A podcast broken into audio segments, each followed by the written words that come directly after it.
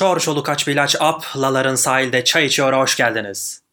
Böyle bağırıyorum çünkü eğer kimse sizi dinlemiyorsa bağırmak en doğal şeydir. Yayın akışını açıklıyorum. Şimdi koronadan dolayı ayrı düştüğümüz sevgili partnerim Yağız ne yazık ki üzülerek belirtiyorum ki aramızda değil. Onun için 5 dakikalık saygı duruşu, ardından İstiklal Marşı ve ardından 13 dilde andımız okuyacağız. Korkma, 1, 2... o lisedeki müzik hocalarının o hareketi vardı ya hastaydım ola ulan sanki orkestra yönetiyor böyle elini sağa sola falan sallıyor. Şimdi yönetiyor da normalde enstrümana doğru dönüp yani çalan kişiye doğru dönüp o hareketi yapması lazım. Yani normalde bize götünü dönmesi lazım. Orada bir çelişki var. Bu Almanca andımız olsa nasıl olurdu acaba yani değil mi? Ich bin Türk. Ich liebe dich mein Kampf. 13. dil de Mordor dili abi. O hepsine hükmeden tek andımız. İşte Türklerin gücü. Ah, zaten bir damarım vardı ama bu ara hiç olmadığım kadar milliyetçiyim. Bu arada Yağız aramızda değillerken ölmedi yani. Ölüm gibi bir şey oldu ama kimse ölmedi. Yani en son konuştuğumuzda ölmemişti. Size tek yayın yapmanın en zor kısmını açıklıyorum. Sizi tamamlayacak, eksiklerinizi kapatacak, destek olacak biri yok. Bunun uygulaması da şu abi. Seni sevdiğimi de nereden çıkardın? Abi yok tamamlayan biri yok ya. Bak şimdi bir daha deniyorum. Sana vurulduğumu nereden çıkardın? Anlayamazsınız.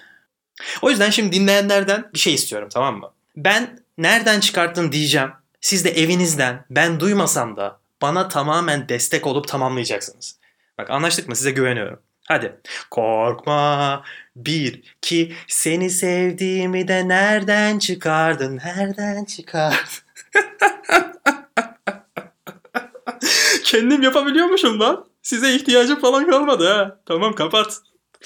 Ya Yağız'ın benim için ne ifade ettiğini daha iyi anlatmak istiyorum size. Benim için nasıldı biliyor musunuz? Hani böyle birisi piyano çalarken bir arkadaşın gelip böyle bas tarafa basıp böyle hayvan gibi gülen arkadaşın olur ya.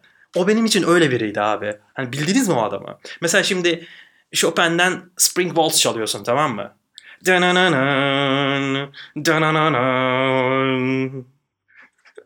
Şimdi merak etmeyin Yağız olsa beni burada kesmeyecekti çünkü büyük ihtimalle bu deminki melodinin Spring Waltz olduğunu zaten inanacaktı. O yüzden, o yüzden bir sıkıntı yok. Bu arada anlamışsınızdır yayını kaldığım akıl hastanesinden yapıyorum. Aile yadigarı bir hastane. Bir katında biz, bir katında da koronalı aile büyüklerim kalıyor. Öksürünce şehadet getirilen ve birbirine kızılan sıcak bir yuva. Seviyorum burayı. Programın ismi de Aile Yadigarı. O yüzden isme saygı gösterin abi. Yani ne bileyim birine tavsiye ederken lütfen tam adıyla hitap edin. Çünkü bu söylem babamın 55 yıllık bir söylemi. Ona da babasından geçmiş. İnanın buna ya. Söylem dedeniz yaşında abi. Üstelik sizin dedeniz gibi dışarı da çıkmıyor. Yalnız böyle podcast yerlerinde gezinen bir şey söylem. Lütfen hürmet edin. Mesela şöyle. E, bu aralar ne dinliyorsun ya? Bir şeyler tavsiye edebilir misin? Ne mi dinliyorum hemen söyleyeyim. Çor çocuk aç bir ilaç ap laların sahilde çay içiyorlar diyeceksiniz. Yalnız orayı yanlış mı söyledim çor çocuk değil çor çoluk aç bir ilaç. Evet. Çor çoluk aç bir ilaç ap. Burada bir S var çok önemli. Laların sahilde çay içiyorlar. Şimdi ben komedisini başka biri üzerinden çıkaran biri oldum tamam mı? Ne yapmam gerekiyor inanın bilmiyorum.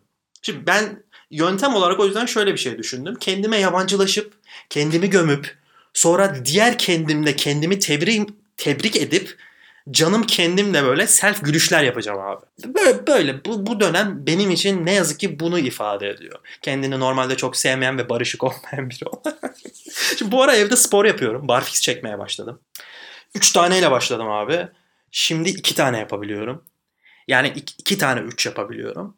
O da normalde 6 ediyor ama ben kesintisiz çekemediğim için haksızlık olmasın diye 5 tane çektim diyorum. Yalan yok bende. Bundan sonra şimdi böyle filmlerde e, uçurumdan düşme sahnesinde böyle tek elle tutunuyorlar ya bir yere. Sonra kendilerini böyle başka birinin yardımıyla yukarı çeviriyorlar, çekiyorlar falan. O bana aşırı kolpa gelmeye başladı bu süreçte. Çünkü e, ya o çok zor bir süreç olduğunu anladım o barfix'in. Onu deneyeyim dedim. Böyle barfix'in tepesine bir kamera falan astım ölüm anlarımı çeksin diye. Çok zor.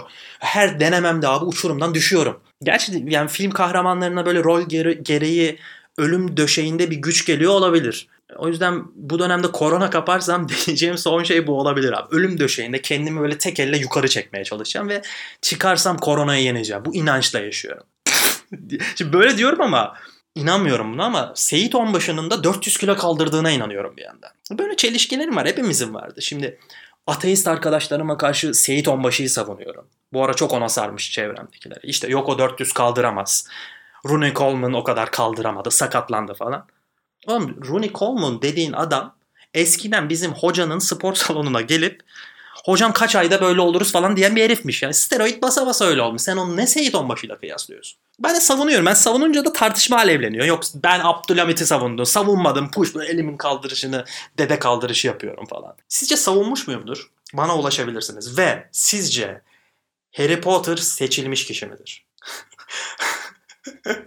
Öğrenmeye çalışıp çalışıyormuş gibi yapıp kendi bilgi şovumu yapmak için müthiş bir ortam değil mi ya? Yani hakikaten müthiş bir ortam. Burada bir nerd alert uyarısı yapayım. Bunda fayda var. Birazdan konuşacağımız kişi ve kurumlar tamamen hayal ürünüdür. Gerçekle hiçbir alakası yoktur. Şimdi filmlerde kullanılan bir yöntem var tamam mı? Bu şöyle bir yöntem.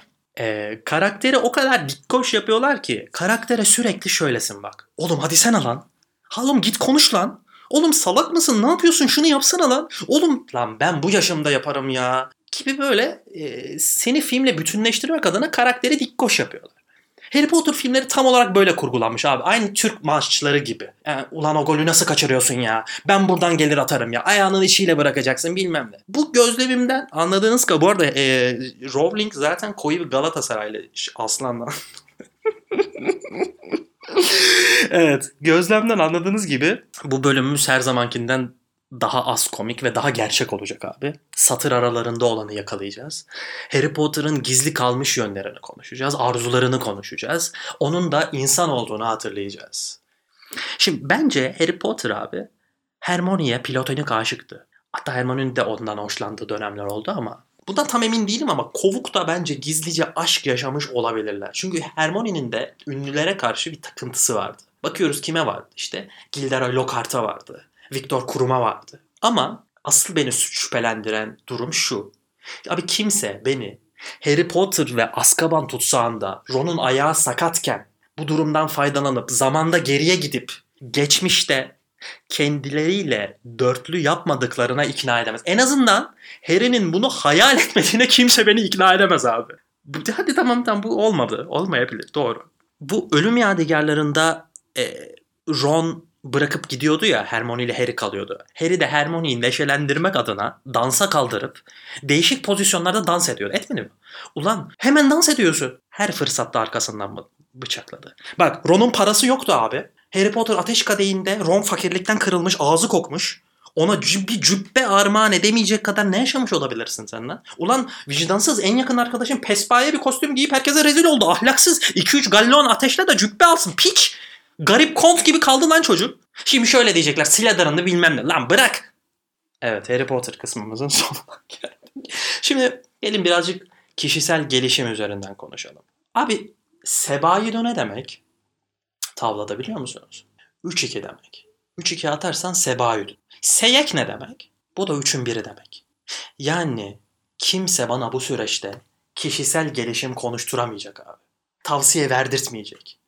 Bu kısmı kısa tutuyorum çünkü karantina sürecinde evde kendimizi geliştirmemiz gerektiği konusunda bizi darlayan, Hadi bu süreçte içimize dönelim. İçsel yanımızı kanırtalım. Hepimizin insan olduğunu hatırlayalım. Lay lay lay lay lay. Bir başkadır korona günleri. Böyle bir baskı var. Ba- bu, bu, bu, bu baskıya yani ben yatmak istiyorsam, hiçbir şey yapmak istemiyorsam, kendimi geliştirmek istemiyorsam veya e, evde e, cidden hani evde kalıp o sınırlar içerisinde kalıp hiçbir şey yapmak istemememde hiçbir sıkıntı yok. Hadi bana inanmıyorsanız çok önemli bir ünlü düşünürün felsefesini hatırlatmak istiyorum size. Kimsenin nasıl davranmanızı gerektiğini söylemesine ihtiyacınız yok insanlar. Aksini söyleyenlere çıkartın, masaya vurun. Yaşadığınızı hissedin. Ama benim yaşadığımı hissetmem için artık overlock makinesinin ayağına, ayağıma gelmesine ihtiyacım var. Ama gelmiyor. Çünkü makine yüzeyinde virüs yaşıyor olabilir abi. Her şeye rağmen yaşamaya devam edin dostlarım. Sevgiler. Oh!